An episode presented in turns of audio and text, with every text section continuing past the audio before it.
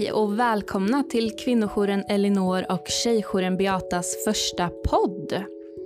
Jag heter Elisabeth och jag jobbar som kurator på kvinnojouren där vi har öppen samtalsmottagning och skyddat boende för kvinnor och barn. Och jag heter Johanna och jag jobbar som tjejjoursamordnare och barnansvarig på jouren. Jag är den som i första hand träffar och pratar med de barn som kommer till vårt boende. Ja, och i den här podden så ska vi prata om barn som upplever våld i hemmet och hur det påverkar dem på olika sätt. Det här gör vi i samband med att Linköpings kommun den här veckan lanserar en kampanj som är riktad till våldsutövande fäder. Vi gör det också i samband med att det är internationella dagen för avskaffandet av våld mot kvinnor, 25 november. Och utifrån vad vi arbetar med i kvinno och tjejjouren så ser vi att det saknas kunskap i samhället överlag och medvetenhet om hur våld påverkar barns liv. Så därför vill vi prata om det idag. Och till hjälp att prata om det så har vi bjudit in Anna Bergman som är polis och som har arbetat med utredningar på barnahus. Idag arbetar Anna som gruppchef för områdespolisen i Linköping. Välkommen Anna! Stort tack! Kul att vara här. Anna, vill du börja med att berätta lite om vad du arbetar med och vad du möter på ditt jobb? Mm, absolut. Eh, jag började som polis som ingripande polis, vilket de flesta poliser gör när de är nya ute i tjänsten. Och då jobbade jag i södra Stockholm som det. Och som ingripande polis då åker man ju på alla möjliga olika larm som eh, händer. Och det kan ju verkligen vara allt stort som eh, smått. Man åker ut i en eh, radiobil, polisbil, och eh, åker och försöker hjälpa till där man kan. Eh, jag gjorde det ett par år och sen blev jag områdespolis i Stockholm då, där jag jobbade. Och som områdespolis jobbar man lite mer riktat kan man säga, med ett brottsförebyggande tänk och mycket med ungdomar och så. Och efter det gick jag till barnahus och var inne på kontor då och utredde brott mot barn som man gör på barnahus. Och på barnahus så samverkar man ju med andra funktioner också. Så dels är det poliser och civilanställda som utreder brotten. Eh, man blir utbildad som barnförhörsledare då för att bli extra duktig på att prata med just barn som har råkat ut för saker och ting. Eh, men sen så samverkar man också väldigt tätt med socialtjänst, med eh, läkare på plats och ehm, man har speciella åklagare som har hand om de här eh, ärendena med mera. Så ehm, väldigt bra och nära samverkan. Även BUP, psykologer på plats.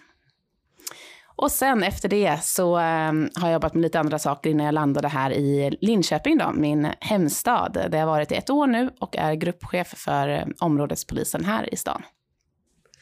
När du jobbade på barnahus, var det du som höll eh, förhör med barn som eh, kom dit? Eh, ja, bland annat jag. Ehm, jag har dock inte gått den här utbildningen som man ska göra, utan jag har, eh, så jag har mest hållit med lite äldre barn då och lärt mig av kollegorna på plats där. Men det finns en väldigt gedigen utbildning som som man ska gå för att bli barnförhörsledare som håller de kanske lite svårare förhören och med de ännu yngre barnen. För det är viktigt hur man pratar och att man ställer rätt form av frågor till barn så att de inte ska bli påverkade i sina eh, förhör. Men eh, många barnförhör har jag hållit också. De barn som kommer till barnahus, vad har de varit med om? Det kan vara väldigt blandat, stort eh, som smått. Antingen att det är våld i nära relation, att de har eh, råkat ut för någonting hemma och då kan det antingen vara att polis kommer till platsen och ser det här och att det upprättas en anmälan den vägen. Eller så är det ett eh, lärare eller andra som träffar det här barnet som blir oroliga och som anmäler det här och att vi kanske får då en anmälan från socialtjänsten eller andra som vi samverkar med eh, att det här barnet har fart illa. Sen kan det också röra sig om barn som har bevittnat våld. Eh, antingen hemma eller ute, eh, varit, blivit vittnen till, till andra saker. Eller att de eh, har råkat ut för ett brott utanför hemmet också. Eh, antingen att det är barn mot barn eller att man eh, har råkat ut för något annat. Så det är verkligen eh, en salig blandning när, när du jobbade som områdespolis eh, i radiobil och ni åkte ut på larm eh, där det pågick våld i en bostad. Eh, vad möter man då när man kommer till den bostaden? Mm, precis, det har jag varit med om både som områdespolis då vi ibland eh, åker på larm när det är eh, någonting som händer och framförallt då som ingripande polis åker man ju på den här typen av eh, ärenden. Och då kan man mötas av också eh, precis vad som helst, man vet aldrig. Ibland är det grannar som har hört eh, oljud från en lägenhet eller från huset intill. Och det kan ju röra sig om något helt annat, det behöver inte ens vara brottsligt. Men så det vi gör så fort vi kommer dit är ju att få, eh, liksom frysa läget och göra en, skapa en bild av vad är det som har hänt här och vad har vi för någonting framför oss. Så eh, man kan mötas av eh, det mesta. Ibland är det lätt att göra den här bilden klar för sig, för det kanske öppnar en person med skador eh, och man ser att här har något hänt som inte ska hända. Och det första vi gör då är att sära på de här parterna som är hemma i familjen, så att vi behöver prata med, med, med båda, eller med alla de som är i huset. Och ibland är det ju inte alls lika enkelt att mm, se direkt vad det är mm, som kan tänkas ha hänt. Och då är det ännu viktigare i de här samtalen att vi verkligen kan försäkra oss om att det antingen inte är något eller eh, att det finns anledning att anta då, att det har hänt något eh, brottsligt på platsen. Eh, vi brukar ju ofta liksom förespråka att eh, ring polisen om ni hör någonting som ni misstänker är våld eller brott på något sätt hos grannar. Um, och då tänker vi så här att ring hellre en gång för mycket än en gång för lite. Vad tänker du om det? Eh, absolut, och det försöker vi också säga. Det är jätteviktigt att man ringer till polis. Eh, och det räcker att man bara har en liten oro för någonting, eh, så ska man göra det. Vi åker ju hellre ut en gång extra än att inte åka ut alls. För vi vet att det händer mycket tyvärr innanför hemmets väggar som vi aldrig får någon kännedom om. Så att grannar eller bekanta eller personer själva i familjen ringer, det är eh, verkligen av vikt. Och det, jag menar, det värsta som kan hända är att vi knackar på och det visar sig att allt är bra. Och då åker vi därifrån igen. Så att det är inte eh, värre än så. Du sa att när ni kommer till en bostad där man misstänker att det har eh, pågått våld, att ni särar på att ni pratar med alla parter i bostaden och ni pratar med dem var för sig då förstod jag? Ja, precis. För där vill vi få en, ehm, vi är oftast två poliser som eh, åker, så att man då delar upp dem om de är två personer hemma. Att eh, du pratar med den, jag pratar med den. Och sen så får man en bild så att de ska få ge en fri berättelse av vad är det som har hänt. Sen pratar jag och kollegan ihop oss. Och går de här historierna kanske isär eller finns det någonting som väcker lite misstanke, då har ju vi anledning att jobba vidare. Och säger de båda att det här verkar uh, helt grönt, det är inget konstigt som har hänt där, då får vi, så det handlar ju om för oss att liksom ställa frågor och vara väldigt nyfikna på Eh, vad har man gjort här precis innan? Varför är vi här på platsen egentligen? Och finns det någonting? Och är det någon som är brottsutsatt då, då kanske man inte vågar prata om man har den andra personen i rummet. Eh, och det kanske man inte ens vågar bara man får en blick eller man kan ju bli påverkad av så mycket olika små signaler. Så det är väldigt viktigt där att man eh, får sära på dem och eh, inge lite trygghet i att man ska våga prata och berätta vad som har hänt. Många kvinnor som vi träffar beskriver just det här som du säger, att polisen kanske har kommit dit för att någon granne har ringt eller så, men att de har varit alldeles för rädda för att berätta. Och i vissa fall så är det ju poliser som kanske har snappat upp på det och känt liksom att det är nog så här, men hon vågar inte säga någonting.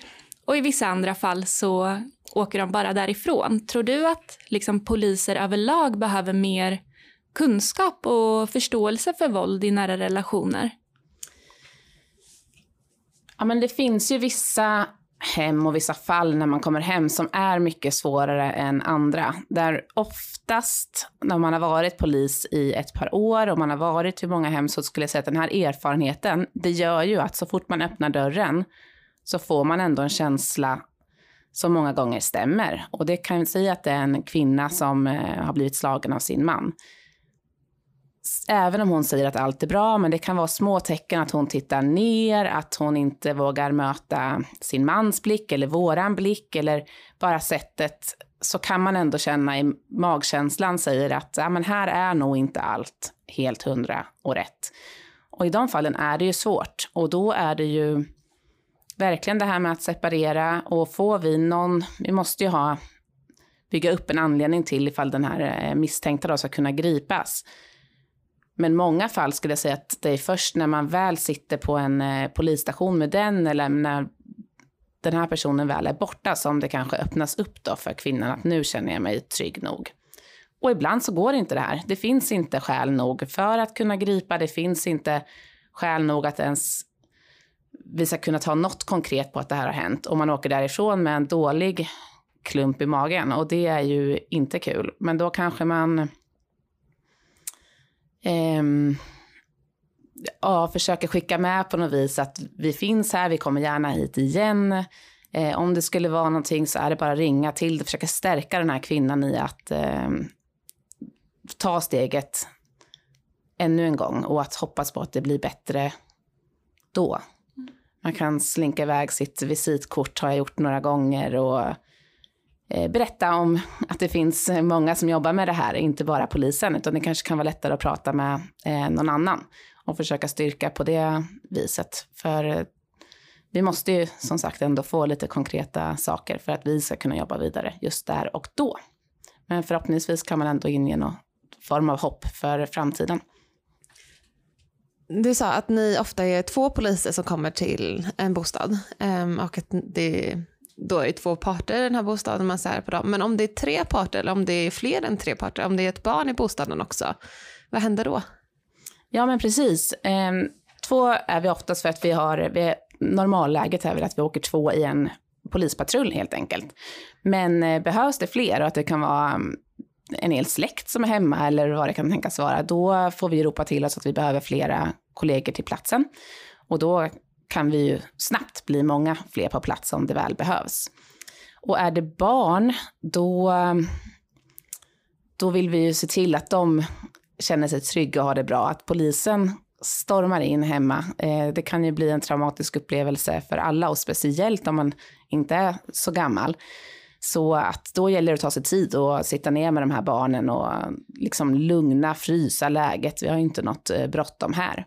Sen kan det vara fråga om att ringa till eh, soc-jouren och få hjälp av dem eller finns det någon annan som trygg person för det här barnet nära till hands så att vi ändå hinner prata med de vuxna i läget och så vidare. Väldigt olika från varje fall, men ehm, så mycket folk som det behövs eh, tas till platsen helt enkelt.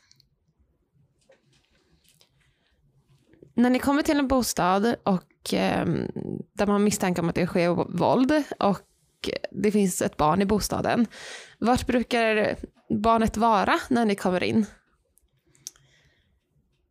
Um, ja, det kan nog också verkligen variera. Ibland är det barnen själva som har ringt. Det händer ju inte alltför sällan. Eh, ibland är det här på kvällen och att eh, föräldrarna säger att ja, barnen de sover. Och min erfarenhet är väl att de sällan sover. Att man tror att de sover men eh, även om de är små så är de mer vakna och med på vad som händer hemma än vad man eh, kanske tror. Så gläntar man på dörren så är det ju ofta ett par ögon som kikar upp från, från sängen ändå. Um, ja, men um, det händer väl också att de går och gömmer sig om det har varit en otäck situation eller så. Men um, ja, många blir också lite nyfikna. De är ju individer så det är väldigt olika re eh, reaktioner får man säga. Vi träffar ju många barn Eh, framförallt som kommer då till vårt skyddade boende. Eh, och där hör ju vi barnen berätta om eh, antingen kanske att de har gömt sig eller att de har stått lite i så här skymundan och tittat på vad som händer. Eh, och i vissa fall också så har ju de gått emellan föräldrarna. P hur pratar ni med barn i sådana lägen?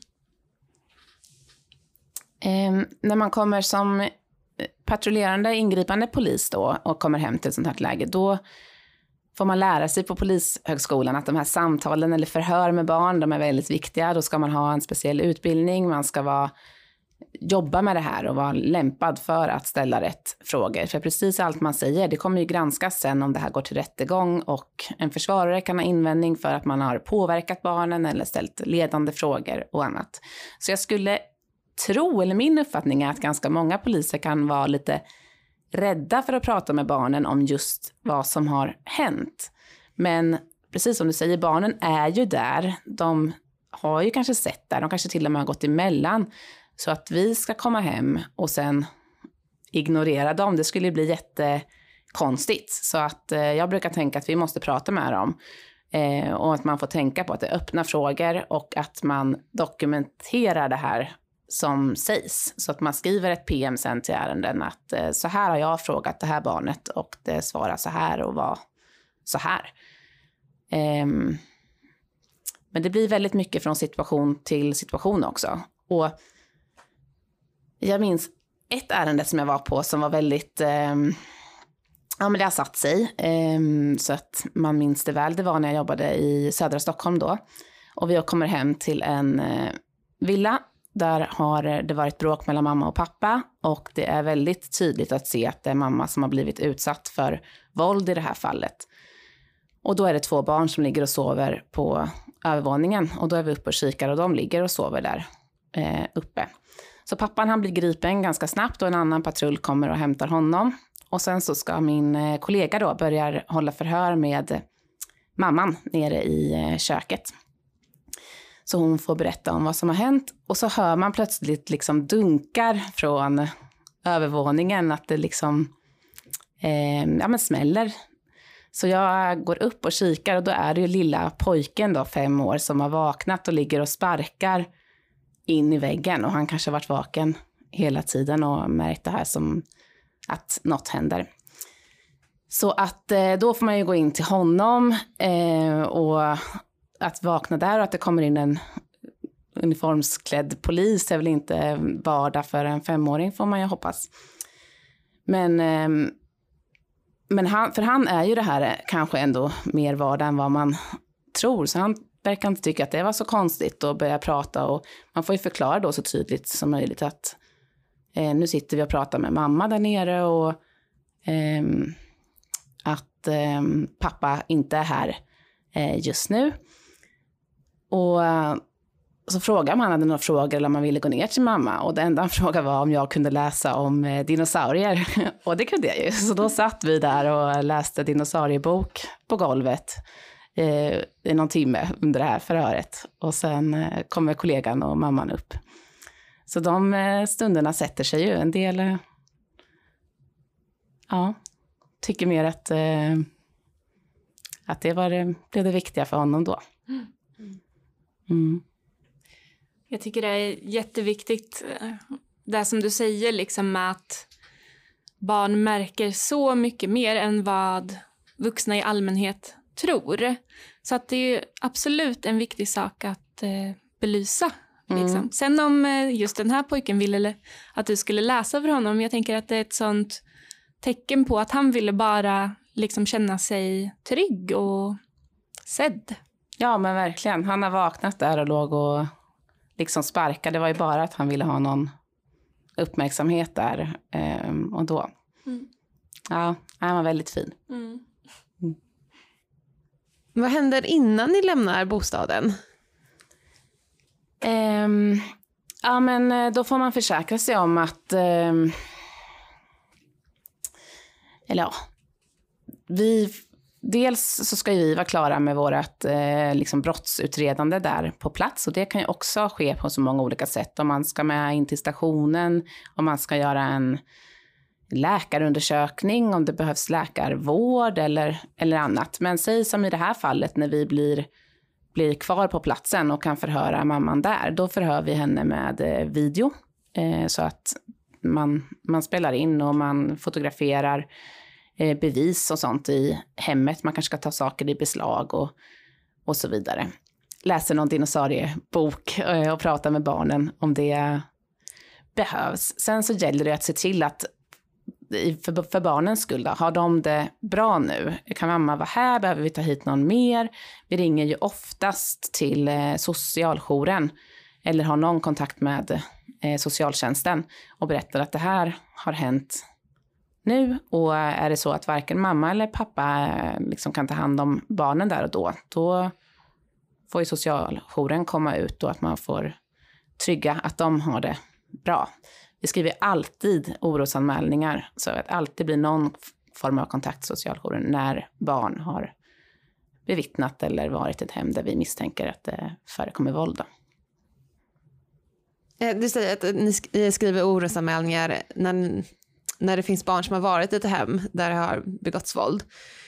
Ehm, så ni behöver liksom inte ehm, veta att barnet har sett någonting eller märkt någonting för att, ni gör, för att göra orosanmälan, utan ni gör det um, om det finns barn i, i hemmet. Ja, absolut. Och det är jätteviktigt, både för att det kanske inte är första gången eller att de har märkt fast inte vi vet om att de har märkt det eller ja. Eh, det ska ju inte förekomma våld i något hem och har vi minsta, minsta misstanke om att så kan vara, då ska socialtjänsten veta det. För sen kanske det finns någon skollärare som har misstänkt precis samma sak och socialtjänsten måste lägga det där pusslet där och se till att den här familjen får den bästa möjliga hjälp som de behöver. Studier och så visar ju att eh, barn som bevittnar liksom, till exempel då pappan misshandla mamman eh, själva också löper större risk för att bli utsatta för våld av den ena eller den andra föräldern. Eh, är det någonting som du också har mött eh, i sådana här situationer? Ja, men absolut att det finns fall, jag kan inte säga hur vanligt det är, men att det, är, det känns ändå inte helt ovanligt att de mamma blir misshandlad, att det kan också vara barn som har blivit misshandlade eller ja, eh, åt annat håll. Och det är väl, har man väl gått över spärren, det är min egna lilla tolkning, så kanske det, gör man det på en, att man kan göra det på flera också. Det kan ju finnas orsaker till det här med. Det kan ju vara missbruk, eh, att det sker vid vissa eh, tillfällen och ja, absolut. Eh, och lika så är det ett barn och där barnet har syskon så kan det vara stor risk att alla liksom har blivit utsatta och inte bara den man just där och då vet om till mm. exempel. Så då kan man tänka att det liksom är ännu viktigare att verkligen orosanmäla både för er men jag tänker mm. också för andra som misstänker det här. Ja, absolut. Eh, mm. Det tycker jag. Eh, det är precis som med polisanmälningar, hellre än för mycket och samma sak med orosanmälningarna. Kan inte skriva för många utan eh, det är bara att ösa på. Mm när det sker våld mellan eh, mamma och pappa och det finns barn i hemmet, då har ju det barnet större risk att själv utsättas för våld än barn som bor i hem där det inte sker våld mellan föräldrarna. Hur, eh, om det sker, om ni kommer till en bostad och det, ni håller förhör med mamman och hon berättar att hon blivit utsatt för våld av pappan, hur, hur håller man förhör med barnen då? Eller hur får man reda på att barnen också blivit utsatta för våld? Är det ofta att de berättar det själva? Eller är det ibland att eh, föräldrarna berättar det? Um, ja, men man håller ju ofta både långa och många förhör med den som har blivit då utsatt, mamman i det här eh, fallet. Och sen är det åklagare som får besluta ifall barnen ska förhöras de också. Ehm, och då får man se, finns det något som har man fått fram någonting i utredningen hittills som tyder på att de kan vara utsatta, då blir det en egen misstanke om brott. Eller ska de höras som vittnen? Det vill man helst inte om de är väldigt unga. Eh, för, ja, både för att de ska slippa komma till en förhörssituation och också för att de är ju närstående till ja, både mamman och pappan. Och att det blir, man sätter dem i en konstig situation i och med det. Men eh, har man någon misstanke om att de är utsatta, då vill man ju fråga vidare om detta och eh, då vill man ju också ha oftast då, ett förhör med barnet. Eh, och då, de barnförhören är ju med bara öppna frågor, så man vill få eh, barnen att berätta. Och gör de inte det, då, då gör de inte det. Man pressar inte på eller eh, liksom, det finns inget tvingande eller något sånt i ett barnförhör, utan det ska ju ske under väldigt ordnade och lugna eh, former. Men om det finns misstanke att ett barn har blivit utsatt för våld eller om man behöver förhöra barn, eh, antingen som vittne eller av annan anledning, så gör man det på barnahus då? Mm, precis. Hur går det till och hur, hur fort åker man dit? Det kan ju vara på natten som man kommer um, på larm om våld. Kommer, och, åker man dit med barnen dagen efter eller gör man det veckan efter eller hur går det till? Ja men det där är lite olika. Vi har eh, eh, alltid barnförhörsledare på, som jobbar jour. Så man kan vid behov ringa in om det skulle vara något eh, jättegrovt brott eller så som eh, har skett. Och kan det vänta så väntar det annars så att man får eh, tid på sig att förbereda och göra, ta lite bakgrundsinfo. Och man, inför ett barnförhör så görs det ganska mycket jobb. Man vill veta vad är det för barn ni ska träffa? Har det här barnet några speciella svårigheter eller hur, eh, hur duktigt är det på att uttrycka sig? Ehm, Eh, diagnoser och annat. Då kanske det ska vara en eh, barnförhörsledare som är specialiserad på det i bästa fall. Så att man kan möta det här barnet på barnets eh, nivå. Ibland kan det vara så att vi har fått eh, misstanke om att det sker våld i hemmet, att det här barnet har blivit utsatt och att misstanken kommer från socialtjänst eller skola och att föräldrarna är misstänkta. Då kan vi ju inte inhämta samtycke från föräldrarna till att få förhöra det här barnet. I andra fall så behövs alltid det eh, för att barnet, barnet själv är för, för ungt för att bestämma. Då, så då måste ju mamma och pappa eller föräldrarna eh, godkänna Eh, men är föräldrarna misstänkta, då så utses istället en eh, eh särskild företrädare för barnet som får ta det här beslutet åt föräldrarna. Och sen så gör man så. Det kan låta väldigt eh, grovt som ett eh, stort ingrepp, men att man åker ut till förskolan eller skolan och hämtar barnet där. Inte polisen själv, men den här särskilda företrädaren gör det och sen tar man med sig en trygg person från skolan, en fröken eller fritidsledare, som får följa med då till barnahus. Och där möter eh, den här barnförhörsledaren upp. Och sen så sätter man sig i ett rum med två fåtöljer och det finns eh, ja, men lite leksaker och annat i ett väntrum utanför där man pratar och förklarar vad det är man ska göra och sen går man in och har det här samtalet. Och de här eh, rummet då med de här två fåtöljerna, samtalsrummet, där är det också eh, videokameror som eh, filmar och spelar in allting som sägs. Och där berättar man för barnet att, eh, att det, man sitter där, att det är frivilligt och man, vad man ska, man ska prata om hur man har det hemma till exempel. Eh, och sen så ställer man bara öppna, öppna frågor. Och vill barnet ta ett paus, då gör man det. Och då finns också den här trygga personen från eh, förskola eller skola eh, ute i väntrummet så man får träffas. Och, och vill barnet avsluta så avslutar man. Mm. Man har inte så långa. Det sitter också en åklagare med, ofta på länk eller i rummet bredvid och ser förhöret eh, hela tiden. Psykolog om det skulle behövas, socialtjänst och också polis. För tanken är ju att det här barnet ska bara behöva berätta om det här en gång. Eh, och då ska alla som behöver den här informationen få ta del av den. Eh, och sen ehm, eh, så behöver man förhoppningsvis inte komma på mer förhör. Sen får mamma och pappa, eller ja, det är inte säkert att det är mamma och pappa, men sen får föräldrarna också veta att det här förhöret har ägt rum. Så efter förhöret så får ju barnet åka tillbaka till eh, förskola eller skola. Och så ringer vi upp till eh, vårdnadshavare och berättar att eh, det här har vi gjort. Och där får man ju väldigt blandade reaktioner. Eh, men det, man får tänka att det här är ju för barnets bästa. Mm.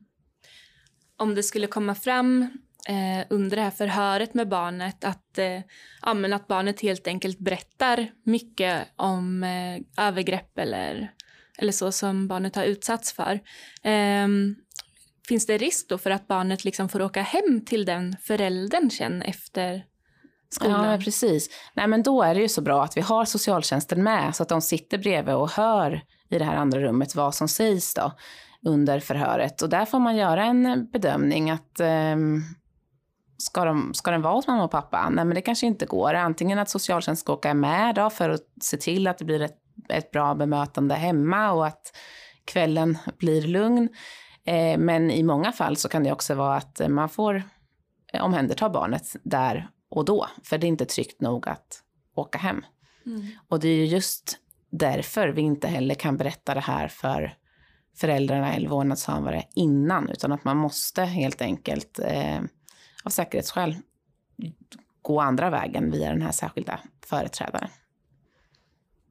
Mm. Och också så att inte föräldrarna ska kunna påverka barn. Alltså många, man, det är ju det tryggaste man har när man är ett barn, ens föräldrar. Så att det tar ju ofta väldigt mycket emot att säga något dumt om dem. Eh, även små barn förstår ju ofta det här. Så ehm, ja, det är inte ett lätt jobb, men det är väldigt, eh, väldigt duktiga kollegor som jobbar med det här och det är en väldigt bra, bra plats eh, för barnen. Mm. Tack snälla Anna för att du har varit här och berättat om allt det här. Det är så viktig information och väldigt intressant att få höra mer om hur polisen arbetar. Eh, jag tänker vi skulle vilja ställa många fler frågor och det finns jättemycket att prata om eh, inom det här såklart. Men igen, stort tack för att du kom hit. Tack själva. Um, Johanna, har du någonting du vill eh, tillägga innan vi avslutar?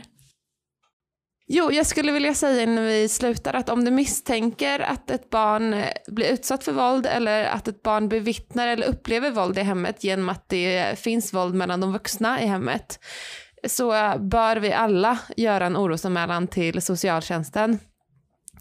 Och om ni behöver stöttning eller eh, rådgivning i det här så kan ni också höra av er till oss på kvinnojouren och tjejjouren. Ni hittar våra kontaktuppgifter på elinor.se och på tjejjourenbeata.se. Ja men bra Johanna. Eh, då tackar vi så jättemycket för att ni har lyssnat och så hoppas jag att eh, vi hörs igen. Hej då! Hej då!